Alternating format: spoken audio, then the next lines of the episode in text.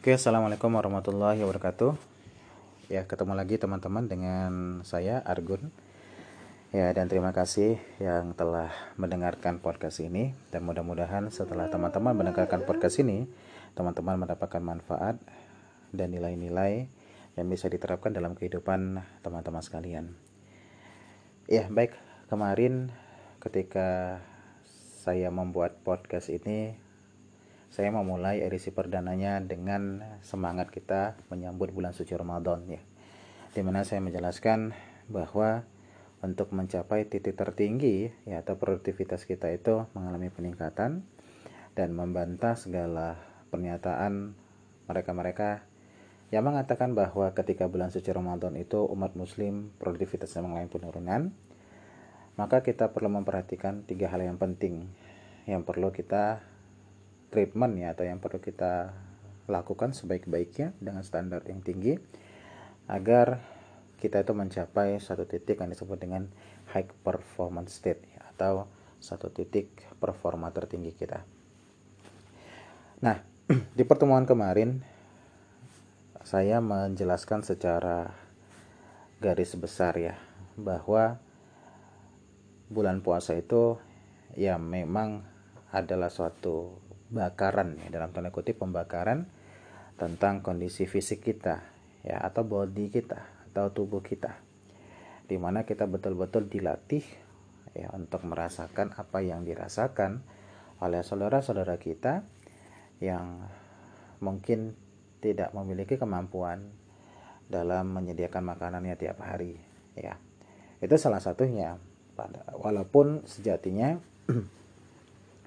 orang-orang yang kurang mampu tadi atau kita katakanlah orang miskin tadi yang tidak bisa mencukupi kebutuhan sehari-hari juga diwajibkan untuk berpuasa ya jadi bukan hanya pelajaran tentang jadi bukan hanya pelajaran tentang bagaimana merasakan apa yang dirasakan oleh saudara-saudara kita yang kurang beruntung, yang kurang mampu, tapi sejatinya ini adalah suatu perintah. Ya, jadi suatu perintah itu juga harus kita turuti sebagai seorang muslim minimal ketika kita tersentuh dipanggil oleh Allah dengan sebutan hai orang-orang beriman. Nah body yang kita bahas kemarin itu saya detailkan bahwa apa pun yang kita lakukan itu akan membentuk suatu kebiasaan. Segala sesuatu yang dilakukan secara berulang-ulang dalam waktu tertentu maka akan membentuk suatu kebiasaan. Nah sementara ketika kita memasuki bulan suci Ramadan, maka banyak sekali kebiasaan-kebiasaan yang kita lakukan yang berkaitan dengan body tadi berubah total. Sehingga ada energi tambahan yang kita keluarkan, yaitu untuk energi adaptasi. Nah, ketika energi adaptasi ini kita keluarkan, sementara energinya sama seperti energi sebelum bulan suci Ramadan, maka yang terjadi adalah kita kekurangan energi. Ketika kita kekurangan energi, maka yang terjadi adalah penurunan produktivitas. Dan ketika terjadi penurunan produktivitas, yang terjadi adalah pembulian terhadap kondisi orang-orang yang berpuasa yang katanya suka ngelek lah yang katanya suka uh, penurunan performa lah produktivitasnya turun lah dan sebagainya nah ini hal yang perlu kita perhatikan teman-teman karena ketika teman-teman melakukan peningkatan dalam produktivitas di bulan suci Ramadan maka secara tidak langsung teman-teman juga sedang berjuang atas agama Allah ini memberikan makna yang baik kepada orang-orang yang belum mengerti atas Islam bahwa orang muslim itu ketika berpuasa juga memiliki produktivitas yang tinggi. Di sisi lain teman-teman kalau kita cerita tentang body ini ya, puasa ini memang agama fisik ya. Uh, saya ulangi puasa ini adalah amalan fisik teman-teman. Dan puasa ini hanya Allah dan kita yang tahu. Ya, artinya teman-teman bisa saja di hadapan orang eh, teman-teman itu menahan makan dan minum, tapi ketika sendiri bisa saja teman-teman makan dan minum ya. Siapa yang tahu gitu ya. Tapi dengan catatan keimanan kita maka kita menahan itu semua. Dan itu akan terlihat uh, di kebanyakan orang gitu. Dan bahkan kita itu dianjurkan ketika ada orang yang mengolok-olok kita tentang puasa kita kita itu secara tegas mengatakan ya saya sedang berpuasa atau ada orang yang ngajakin makan ketika bulan suci Ramadan kita dengan tegas mengatakan saya sedang berpuasa dan itu kan berarti kita memberikan memberitahukan kepada orang tentang arti puasa itu sendiri gitu ya. Nah, kemudian beberapa kalangan umat muslim di bidang olahraga contohnya ya. Fisik olahraga itu kan suatu hal hubungan yang sangat erat ya. mereka tuh dikejar uh, selalu saja disalah disalah ini kan ya di uh, diserang bahwa ketika berpuasa performa mereka menurun. Ya kalau kita mau bedah sedikit saja teman-teman ternyata bukan karena puasanya performa menurun. Ya karena memang ada hal-hal faktor yang lainnya. Misalnya uh, kesiapan dalam latihan atau kemampuan beradaptasi ketika dalam pertandingan dan sebagainya. Ya kita masih ingat masih sangat ingat ya ketika uh, banyak sekali umat muslim yang melakukan pertandingan pertandingan besar di Liga Eropa ya. Tapi tetap menjalankan ibadah puasanya. Kita bisa sebut seperti Frank Ribery ya. Salah satu legendanya Bayern Munchen itu tetap menjalani ibadah puasanya ketika pertandingan berjalan gitu ya. Kemudian yang lainnya contohnya Samir Nasri, ya. Salah satu juga legenda di Manchester City dan Arsenal. Dia juga melakukan pertandingan di bulan suci Ramadan dan tetap menjalankan ibadah puasanya. Dan yang lain-lainnya ya seperti Paul Pogba juga menjalankan ibadah puasa ya ketika dalam pertandingan ya. Dan ternyata janji Allah yang mengatakan bahwa orang-orang berpuasa itu akan lebih sehat ya. Itu terbukti. Ya, mereka juga produktivitasnya bagus pertandingan juga bagus. Jadi tidak ada kaitannya antara berpuasa dengan hasil pertandingan sebenarnya. Dan sebaliknya malahan orang yang berpuasa maka dia akan lebih eh, mudah untuk mengendalikan emosinya contohnya dan juga lebih jernih dalam menentukan suatu keputusan yang penting dalam suatu pertandingan. Nah kita yang tujuannya adalah untuk meningkatkan uh, gaya pikir kita atau katakanlah kita saat ini sedang membahas main ya pikiran kita kita perlu juga mengasah pikiran kita kawan-kawan sekalian bahwa puasa itu bukan hanya sekedar menahan lapar dan haus saja gitu tapi ada faktor-faktor lain yang bisa kita tingkatkan sejalan dengan suasana Ramadan yang begitu sejuk ya yang begitu nyaman untuk melakukan kebaikan-kebaikan. Ya jadi kita perlu memberikan satu pemikiran yang rasional ya yang logika bahwa memang puasa itu memberikan kondisi badan yang lebih sehat ya produktivitas yang lebih tinggi. Itu dulu yang kita tanamkan ya. E, melepaskan diri dari argumen-argumen yang merendahkan atau melemahkan kondisi dari orang berpuasa.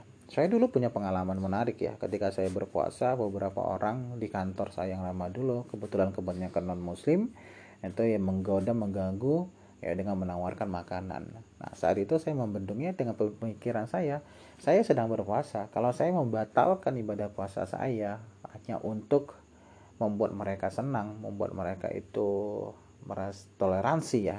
ya. Ini kan ada hal yang konyol ya. Kita bertoleransi kepada orang yang tidak berpuasa gitu ya. Seharusnya orang yang tidak berpuasa itu bertoleransi kepada kita. Tapi ya begitulah, itulah suatu kehidupan yang perlu kita jalani.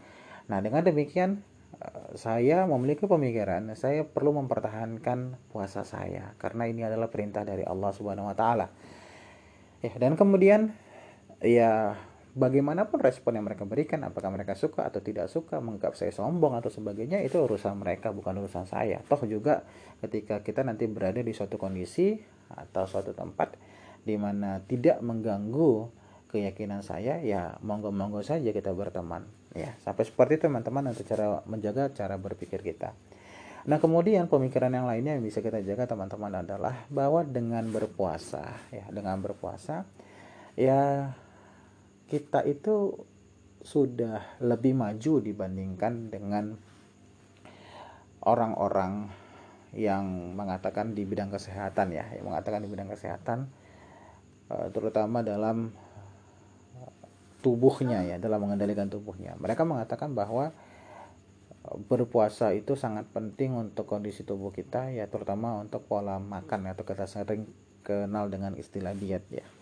Nah kita sudah terlebih dahulu kawan-kawan sekalian 1400 tahun yang lalu bahkan sebelum 1400 tahun lalu sebelum Rasulullah turun ke bumi ini ya sudah ada perintah untuk berpuasa. Tapi e, beberapa dekade barulah dilakukan penelitian-penelitian ternyata berpuasa itu sangat-sangat baik untuk tubuh gitu ya. Dan kenapa kita sebagai seorang muslim tidak memahami hal itu? Ya karena memang puasa itu secara pemikiran kita itu adalah untuk menyehatkan. Ya jadi kita berjalan beriringan ya. Body kita tubuh kita itu ya adalah menjadi kondisi yang sehat. Ya dengan caranya tadi kita tidak terkejut ya tidak terkejut badan kita beradaptasi sudah mulai latihan dari sekarang dan nanti di bulan suci Ramadan kelak kita sudah terbiasa dengan pola yang apa saja yang berubah. Kemudian pemikiran kita juga berubah tentang arti puasa ini. Ya ada kekhawatiran-kekhawatiran nanti puasa akan menjadi inilah jadi itulah. Itu adalah ketakutan ketakutan yang belum terjadi dan hanya terjadi dalam pikiranmu saja gitu. Karena itu karena belum pasti terjadi ngapain kamu mengeluarkan energi untuk memikirkannya? Lebih baik kamu mengeluarkan energi untuk melakukan atau berpikir hal-hal yang baik saja di depannya ya toh juga itu adalah sesuatu yang berada di luar jangkauan kita sesuatu yang berada belum terjadi gitu ya. Kalau sesuatu yang belum terjadi kenapa kita menis, uh, memberikan kondisi negatif gitu ya? Memberikan suatu hal ketakutan. Bukannya lebih baik kita itu memberikan hal yang positif atau hal yang menyenangkan. Begitu juga tentang kita menghadapi puasa. Daripada kita memikirkan puasa itu akan membuat kita itu lemah, lesu dan sebagainya. Kenapa kita tidak memikirkan bahwa puasa itu akan memberikan sisi positif kepada kita?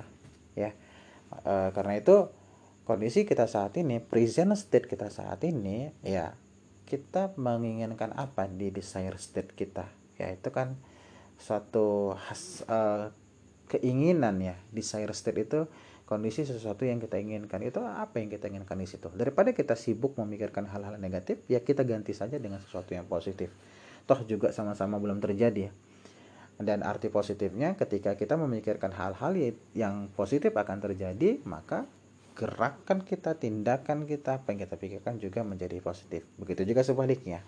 Ya, pilihan ada pada teman-teman sekalian. Kendalikan pikirannya untuk menjadi lebih baik. Ya, itu ya. Body, mind, dan kemudian soul. Ya, soul ini kita bicara tentang jiwa, teman-teman sekalian. Jiwa itu tidak terlepas dari emosi gitu ya. Emosi ini memang sangat mudah terpicu dengan kondisi-kondisi saat ini teman-teman kita begitu sensitif begitu banyak sekali gangguan-gangguan yang muncul di media sosial tentang agama kita, kebijakan-kebijakan negara juga tidak mendukung kita untuk menjadi hal eh, kebijakan-kebijakan negara kebanyakan juga memberikan reaksi kepada umat ini gitu ya. Belum uh, selesai kita diserang ya dengan membenturkan tradisi dengan dengan Islam gitu ya. ya di mana sebenarnya tradisi dengan Islam ini seharusnya sejalan di mana pemimpinnya atau imamnya adalah Islam itu sendiri. Ya jadi kalau ada Islam berbenturan dengan tradisi tradisi yang ikut Islam. Ya kalau kita mengaku sebagai orang yang beriman jangan sebaliknya gitu. Ini tradisi dengan Islam malah yang dinaikkan ke atas adalah kearifan lokal dengan kalimat kita adalah bagian dari Nusantara kita adalah bagian dari negara Indonesia. Untuk apa kita menjadi negara Indonesia? Toh juga nanti di hari pertanggungjawaban yang ditanyakan bukanlah siapa atau apa negaramu tapi ditanya apa agamamu. Kan seperti itu. Ya jadi cerita-cerita tentang pembenturan tradisi itu adalah hal yang dari dulu sudah dilakukan ya dari sejak zaman-zaman nenek moyang ya zaman-zaman jahiliyah dulu yang dibenturkan ada seperti itu. Rasulullah datang ke diturunkan ke Arab ya adalah untuk meluruskan tradisi-tradisi. Karena ada beberapa tradisi-tradisi yang ditinggalkan dan ada juga tradisi-tradisi yang yang diteruskan. Ya contohnya dalam penggunaan pakaian tradisi. Itu ya dipakai Rasulullah dengan beberapa ketentuan kan.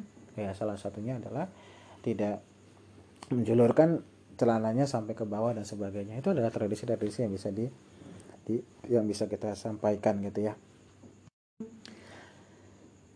Dan kondisi ini juga yang membuat kita itu mudah tersentuh gitu ya atau mudah bukan hanya tersentuh karena agama kita itu dilecehkan gitu ya, tapi memang kondisi yang membuat kita itu menjadi sensitif ya. Sebuah settingan besar gitu ya. Saya melihatnya kita itu dibenturkan dengan hal-hal yang sebenarnya itu nggak akan terjadi gitu ya nggak akan terjadi gitu ya. Hanya keributan-keributan saja eh, seakan-akan negara ini sedang bekerja saja gitu. Itu yang itu yang saya lihat secara garis besarnya. Tapi bagaimanapun kita wajib untuk mendoakan selalu pemimpin-pemimpin kita agar mereka selalu terus dan terus uh, mendapatkan hidayah dari Allah Subhanahu wa taala mengambil keputusan sesuai dengan ketentuan Al-Qur'an dan Sunnah ya. Karena bagaimanapun ceritanya kebijakan-kebijakan mereka berikan itu wajib kita patuhi wajib kita uh, ikuti gitu ya. Selagi kebijakan-kebijakan itu tidak melanggar Al-Quran dan Sunnah gitu.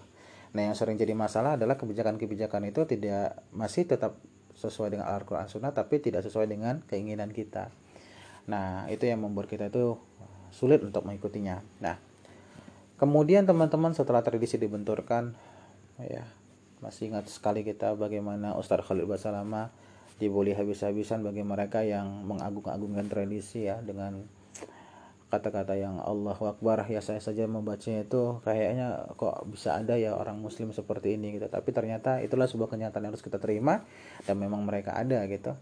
Lalu para para munafikun yang menyerang Ustaz Khalifah Salama dan juga orang-orang yang uh, mementingkan Al-Quran dan Sunnah di atas segalanya gitu ya. Mereka serang habis-habisan dengan mengatakan adalah uh, pengkhianat NKRI dan sebagainya gitu ya. Dan sampai-sampai dilaporkan gitu karena urusan seperti ini. Ya mudah-mudahan mereka selalu diberikan petunjuk oleh Allah Subhanahu wa taala. Dan yakinlah kesabaran kita ya kepatuhan kita itu akan berbuah manis karena semuanya itu ya kembali lagi bagaimana kita mengendalikan emosi kita. Jangan terbawa emosi ya kawan-kawan. Nah di bulan suci Ramadan adalah waktu yang paling tepat untuk mengendalikan emosi itu gitu ya.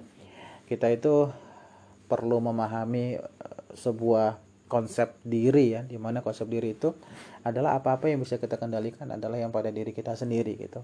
Dan apa-apa yang tidak bisa kita kendalikan ya udah serahkan pada Allah gitu. Kita doain aja gitu.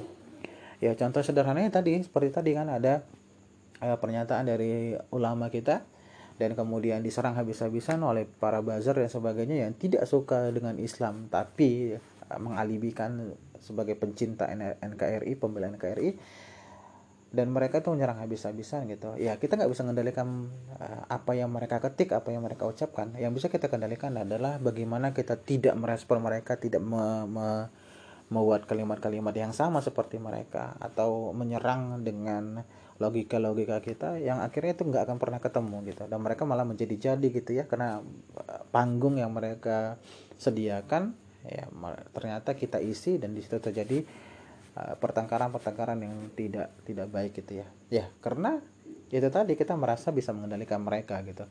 Biarkan saja mereka dengan keimanan mereka biarkan saja mereka dengan kebelief uh, dengan apa yang mereka yakini adalah sesuatu yang benar tugas kita adalah apa yang kita lakukan kendalikan emosi kita kendalikan apa apa saja yang bisa membuat kita itu menjadi masalah ya.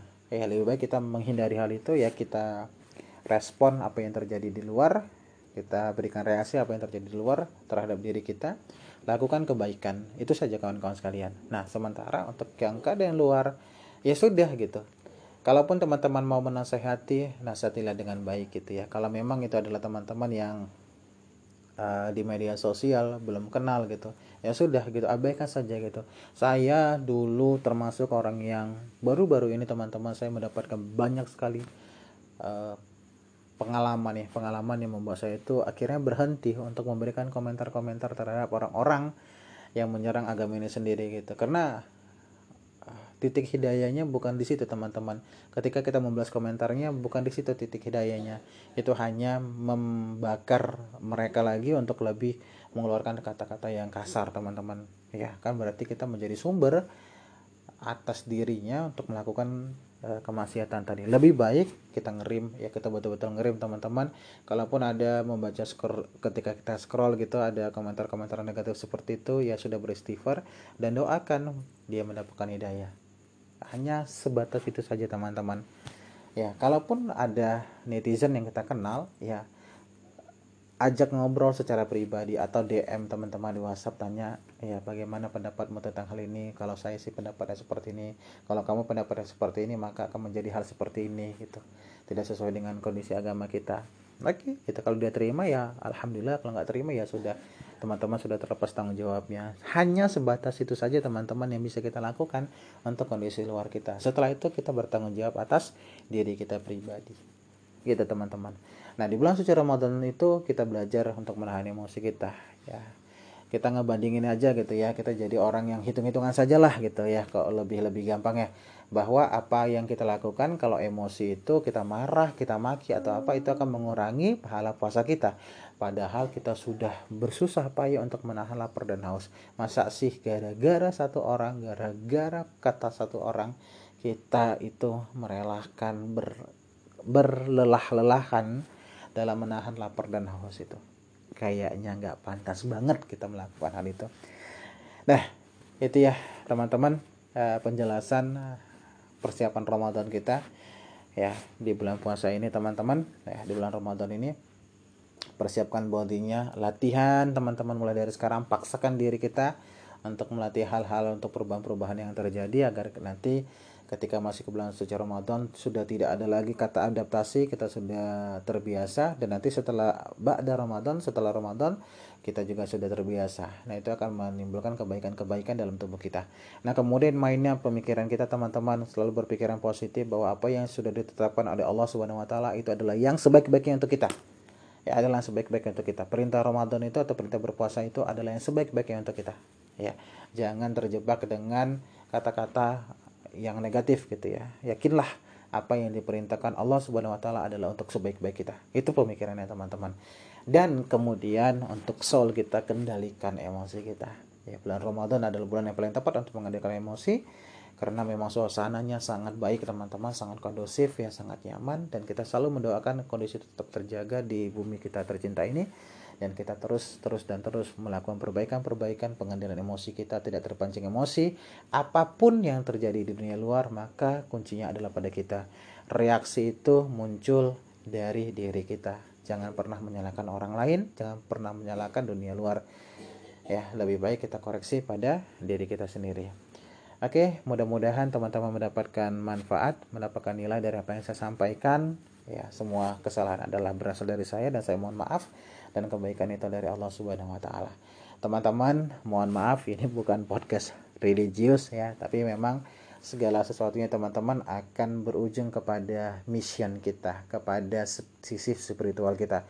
Insya Allah di pertemuan berikutnya kita akan membahas neurological level ya, kita akan membahas tingkatan-tingkatan bagaimana membentuk diri kita dan ada satu rahasia ternyata walaupun kita sudah menjawab siapa diri kita tapi kita masih punya tingkatan yang lebih tinggi lagi yaitu apa misi kita dalam hidup kita apa sisi spiritual dalam hidup kita. Oke baik. Sampai ketemu teman-teman. Saya Argon mohon izin. Ya semoga bermanfaat dan bernilai. Assalamualaikum warahmatullahi wabarakatuh